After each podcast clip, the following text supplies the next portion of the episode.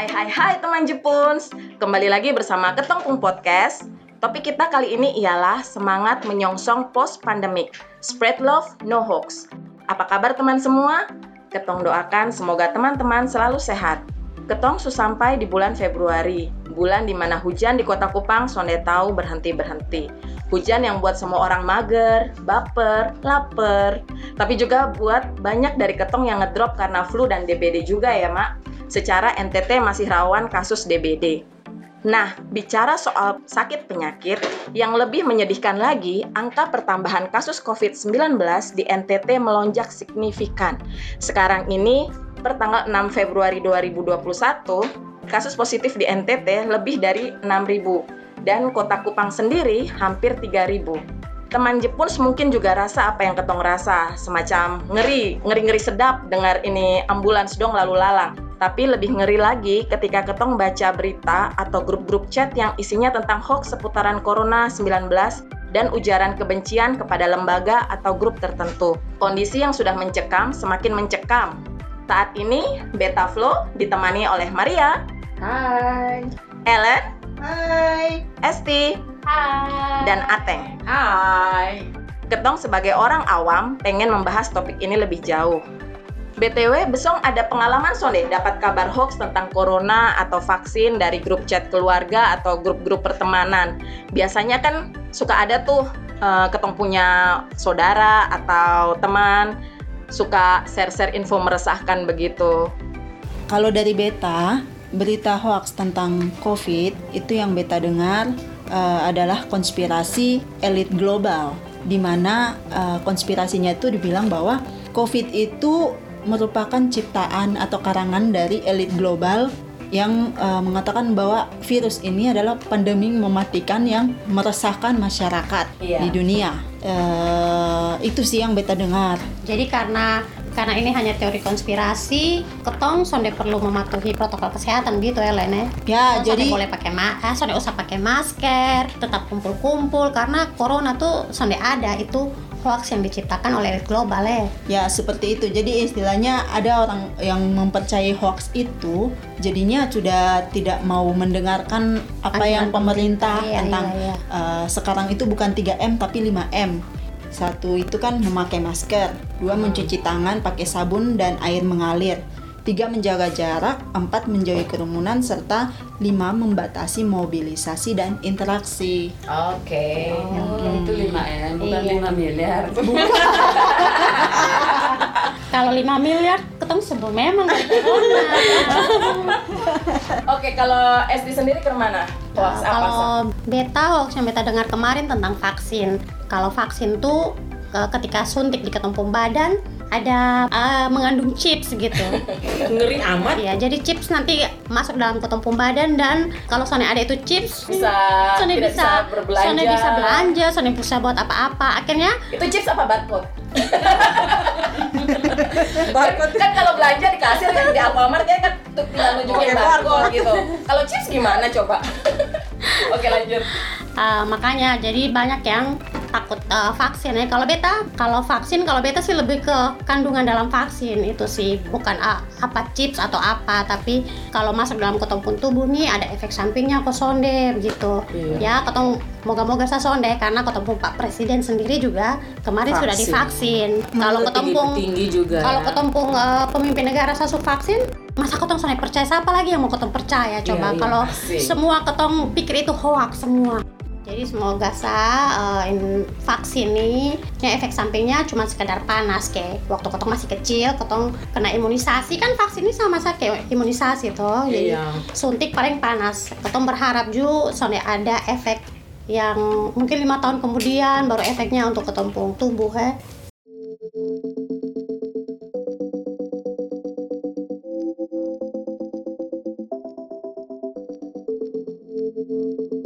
Beta rasa karena itu juga ya makanya orang-orang kayak bersikap apatis. Apalagi virus kan sonde kelihatan ya bu ya. Jadinya kayak ini barang tuh sebetulnya ya, ada ya, kosonde nah sama beta juga pernah mengalami pas waktu uh, makan di satu kafe di dekat-dekat daerah Perumnas itu. Beta rasa itu kafe bagus karena sesuai standar prokes lah ya. Uh, ada tulisan cuci tangan sebelum masuk, terus dorang juga ada siap air dan sabun cuci tangan juga di pintu masuk. Ya walaupun pas waktu beta masuk uh, sonde diukur suhu badan, tapi uh, di situ juga kebetulan lagi sepi pengunjung, jadi beta rasa aman lah ya untuk masuk gitu. Nah pas beta duduk di situ, pelayannya datang bawa menu toh.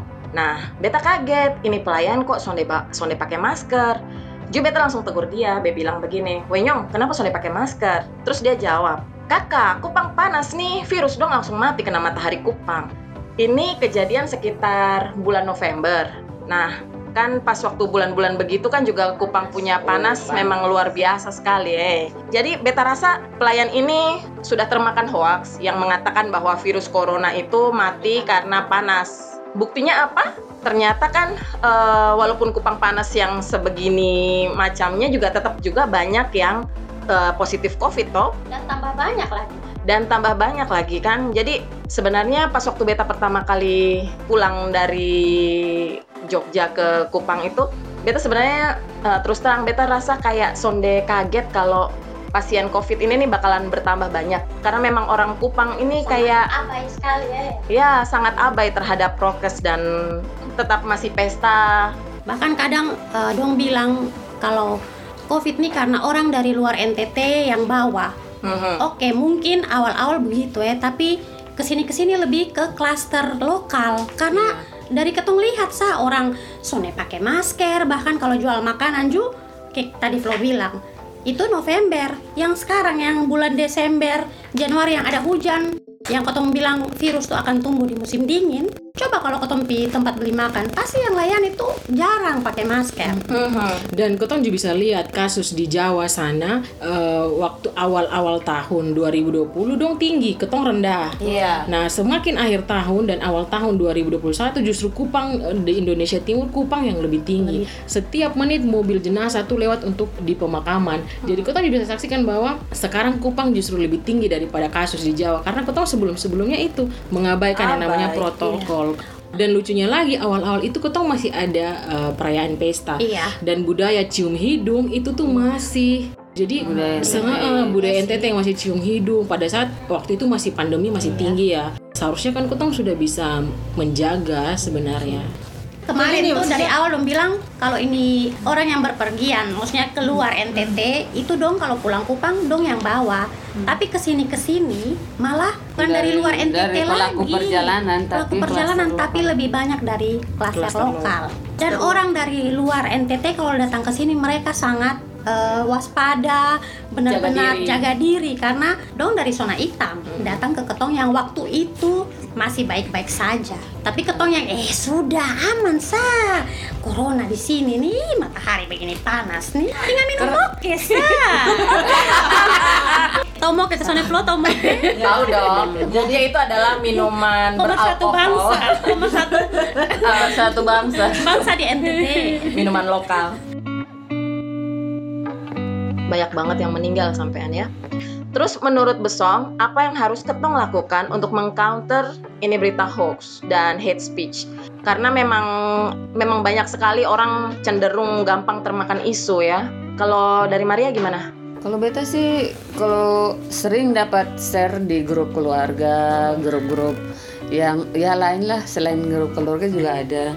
Awal terima informasi seperti itu tuh kita harus cek lagi uh-huh. kebenaran informasi tersebut sumbernya dari mana kita harus cek lagi dari sumber lain apalagi berita yang disebarkan itu cuma satu sumber yeah. kita harus cek lagi karena kalau makin banyak sumber kebenarannya bisa dipercaya kan. Tapi kalau satu kan mungkin ada oknum tertentu yang mau menjelekkan salah, menjelekkan salah satu pihak. Kurangi asupan informasi yang meragukan. Betul. Selalu optimis dan lakukan hal produktif. Kita setuju Kak Maria kalau ketong tuh lebih baik melakukan hal-hal produktif ya daripada buka media sosial follow-follow akun-akun yang sone jelas yang ketong sone tahu dia pun kebenaran tuh betul kosonde akhirnya bikin brainwash ketong pun apa pikiran nih cuci otak ya sudah tak makan sudah Iya, bulat-bulat itu bagian juga dari hate speech sih sebenarnya. iya tuh Dengan sendirinya imun tubuh menurun, karena terlalu per- banyak percaya berita-berita hoax. Oke kalau imun tubuh menurun untuk lu saja yang baca itu sama masalah Tapi kalau lu membagikan dan bikin orang lain pun imun tubuh juga menurun kan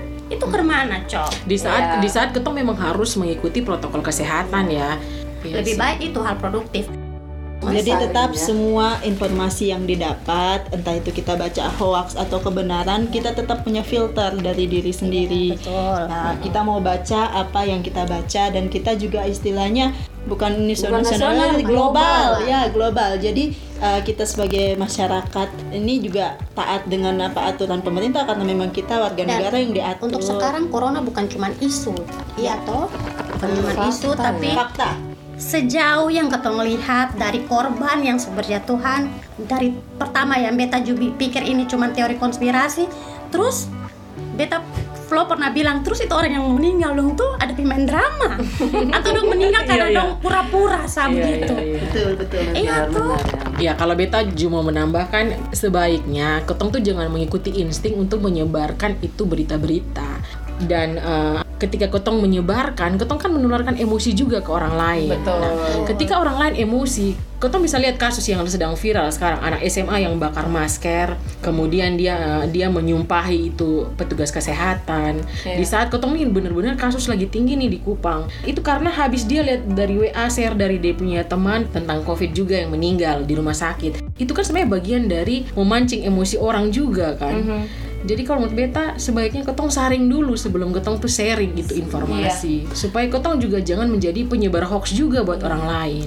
Setuju. Iya, setuju. dan apa pun apa pun yang lu percayai apakah corona tuh benar atau hoax ketika lu mau membagikan itu media sosial atau apa lu juga harus punya rasa empati Ya, Betul, betul, iya, setuju. betul. setuju. karena eh, ada orang-orang tuh dong pun bapak meninggal yang bilang Iya. karena karena covid dong pun saudara atau dong sen- sendiri. Sekarang ada isolasi mandiri karena kemarin tes positif terus kalau dong baca lu postingan Dong sementara kan- dong juga ada berjuang Iya, nih heeh. Dan yang lebih menyedihkan ketika ketemu punya sanak saudara meninggal tanpa ada upacara pemakaman keagamaan. Iya, itu menyedihkan loh ya. ya. Itu itu sangat menyedihkan menurut beta. Ketika ketong yang harusnya kalau di Nasrani ketong ada upacara pemakaman ya, kemudian ada tiga hari berdoa, tujuh hari berdoa, kemudian ada eh, empat puluh Sesuai hari kita eh, ya. sesu- sesuai dengan ketong punya agama. Beta Saya. rasa di semua agama juga ada upacara pemakaman ya diantarkan dengan layak diantarkan lah. dengan lain pada perserahan terakhir. Nah, ketika ketemu saudara kena COVID dan dong harus langsung dari dari rumah sakit langsung, kubur, itu Iya. tuh menyedihkan loh menurut beta. sangat menyedihkan karena kita sudah di sudah dihadapkan dengan situasi yang sudah berubah 180 derajat Iya. dari adat kebiasaan kita. Benar. Iya. Jadi untuk itu sebaiknya uh, untuk memutus mata rantai ini kita juga mematuhi prokes kesehatan dan juga walaupun kita sehat kita menjaga orang-orang kesayangan kita yang mungkin uh, mereka imunnya tidak tahu ada seperti orang tua punya penyakit bawaan. Contohnya memba eh, saya mau nyambung Ellen ya, membatasi aktivitas di luar karena kan banyak OTG itu kita tidak rasa kalau kita OTG kan. Mungkin tubuh kita kuat tapi di rumah ada lansia. Iya. Itu bisa tertular ke mereka dan akibatnya lebih fatal kan. Kita sehat tapi mereka yang kena. Dan kita bisa lihat situasi sekarang itu sudah membludak di rumah sakit di seluruh kota Kupang. Iya. Dan banyak juga hampir ribuan kasus yang juga isolasi mandiri di rumah. Apakah kota masih bilang ini Ini hoax. ini hoax, ini covid soalnya ada.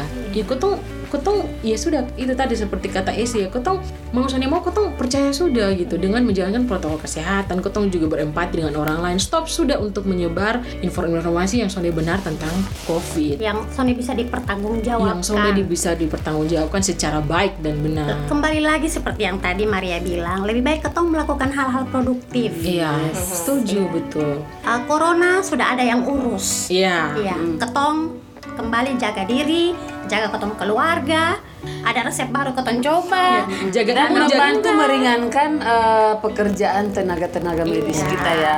Apalagi mereka kelelahan sekarang, bahkan mereka juga jadi korban Iya. dari empati, empati yang tadi beta bilang bukan hanya untuk korban yang uh, korban karena COVID-19 tapi juga untuk tenaga kesehatan dong yang mungkin dong son tidur lembur karena pasien di rumah sakit nih ada fulsa dong baru lihat satu satu masuk baru lihat satu satu lagi dan kalau lihat APD-nya juga Iya. kasihan ya Kasihan, kan Panas. mereka juga punya keluarga Iya. yang harus mereka terus urus. dong maksudnya dong dari rumah sakit dong Sony bisa langsung pulang ketemu dong Iya. keluarga Eh, secara tidak langsung mereka juga takut pulang ke rumah Iya. karena mereka itu eh, sering bertemu dengan Pasien. yang pasien di rumah sakit Iya, jadi mereka akhirnya karena berpikir bahwa mereka punya tanggung jawab tugas merawat pasien tak pulang ke rumah akhirnya terpaksa me- eh, memutuskan untuk tetap di rumah sakit begitu itu juga kesian juga sih secara psikologis kan terpisah ya dari keluarga, keluarga, iya. Gitu. Oke, jadi bukan bermaksud untuk menakut-nakuti juga. Corona ini memang beneran ada, tapi bukan berarti kita harus takut. Cukup eh, cukup patuhi protokol saja, terus eh, dan kuatkan imun, ya percaya saja lah pasti akan akan baik-baik saja. Jadi intinya cek dan recheck setiap eh, berita yang kita terima, lalu selalu berpikir positif. Itu eh, caranya ya. Eh, jadi ayo ketong semua jaga diri dan jaga semua orang yang ketong cintai dengan menerapkan kebiasaan baik, patuhi protokol kesehatan dan jangan sebarkan hoax ya. lebih baik sebarkan Cinta. Karena hati yang baik, pikiran yang positif itu juga meningkatkan imun Iya. tubuh. Sebagai penutup, Ketong juga mau eh, kasih dengar tanggapan dari Ketong teman yang positif COVID-19 dan sekarang sedang berjuang untuk pulih kembali dan sekarang sedang melakukan isolasi mandiri di rumah. Eh, Ketong juga berdoa semoga semua teman-teman yang sakit ini semoga cepat sembuh dan teman-teman yang sehat tetap sehat, tetap eh, jaga diri dan jaga imun, jaga iman. Oke, sampai di sini dulu ngobrol bareng Jepuns di Ketongpung Podcast. Oh ya, Ketong juga mau mengucapkan terima kasih buat support, saran, dan kritik dari teman Jepun semua yang sudah mendengarkan Ketongpung Podcast. Semoga Ketongpung Podcast bisa semakin baik dan menginspirasi teman-teman semua, khususnya perempuan. Akhir kata, see you in the next episode. Salam sehat! Bye!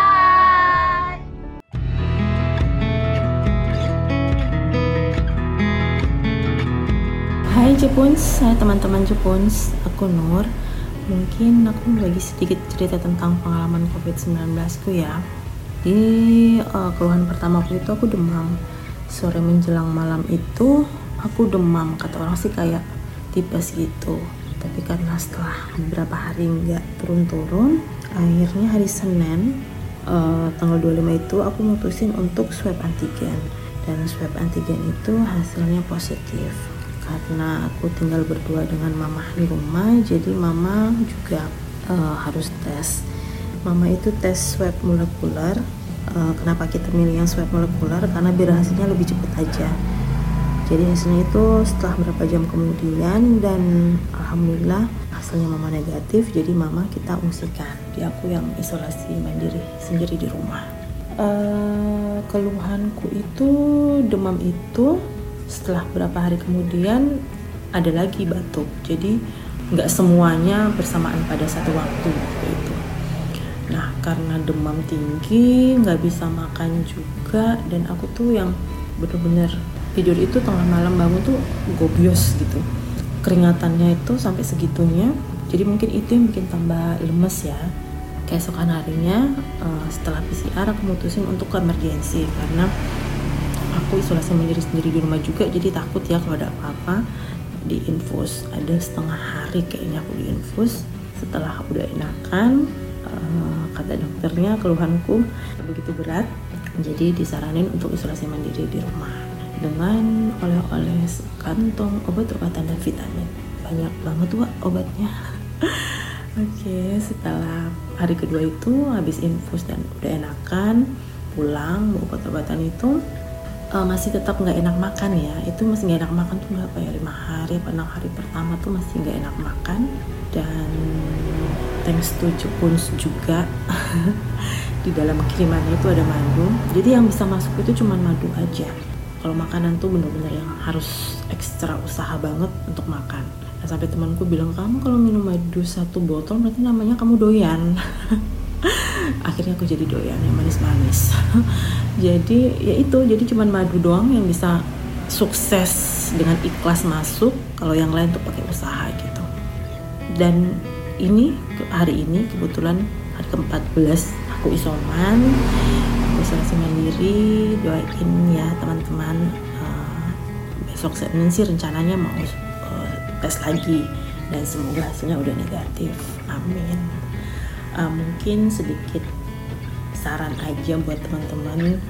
Kalau ada temen atau keluarga yang ternyata positif mungkin responnya jangan jadi kayak detektif gitu gitu. Jadi yang harus nelfon gimana ceritanya? Gimana? Apa? Bagaimana? Ah kayak gitu.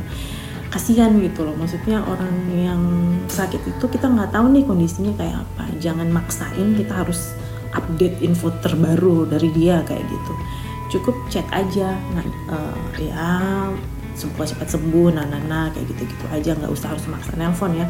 Karena jujur awal awalnya aku tuh males banget terima telepon.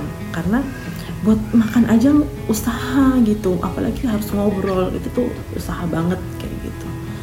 Jadi mungkin ya udah kalau memang mau ngirim atau apa ya udah. Mungkin madu ya saranku. Kalau mau ngirim mengirim gitu.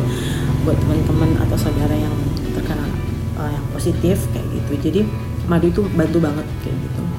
Terus mungkin uh, kita sama-sama tahu nih berita yang beredar tentang COVID-19 ini tentang konspirasi dan segala macamnya kayak gitu. Ya begini jangan sampai kita ngerasain dulu baru kita percaya gitu kalau COVID-19 ini ada. Buat aku maaf ya itu pilihan bodoh jadi ya udah satu dunia kayak gini dan kamu masih nggak percaya juga kan lucu gitu kan. Jadi ya melaksanain protokol kesehatan lah gitu. Pemerintah udah sangat-sangat berusaha loh gitu kan. Um, buat teman-teman uh, tetap laksanain prosedur kesehatan nyari kegiatan-kegiatan yang buat bahagia ya buat naikin imun tubuh Oke, dadah Jepons.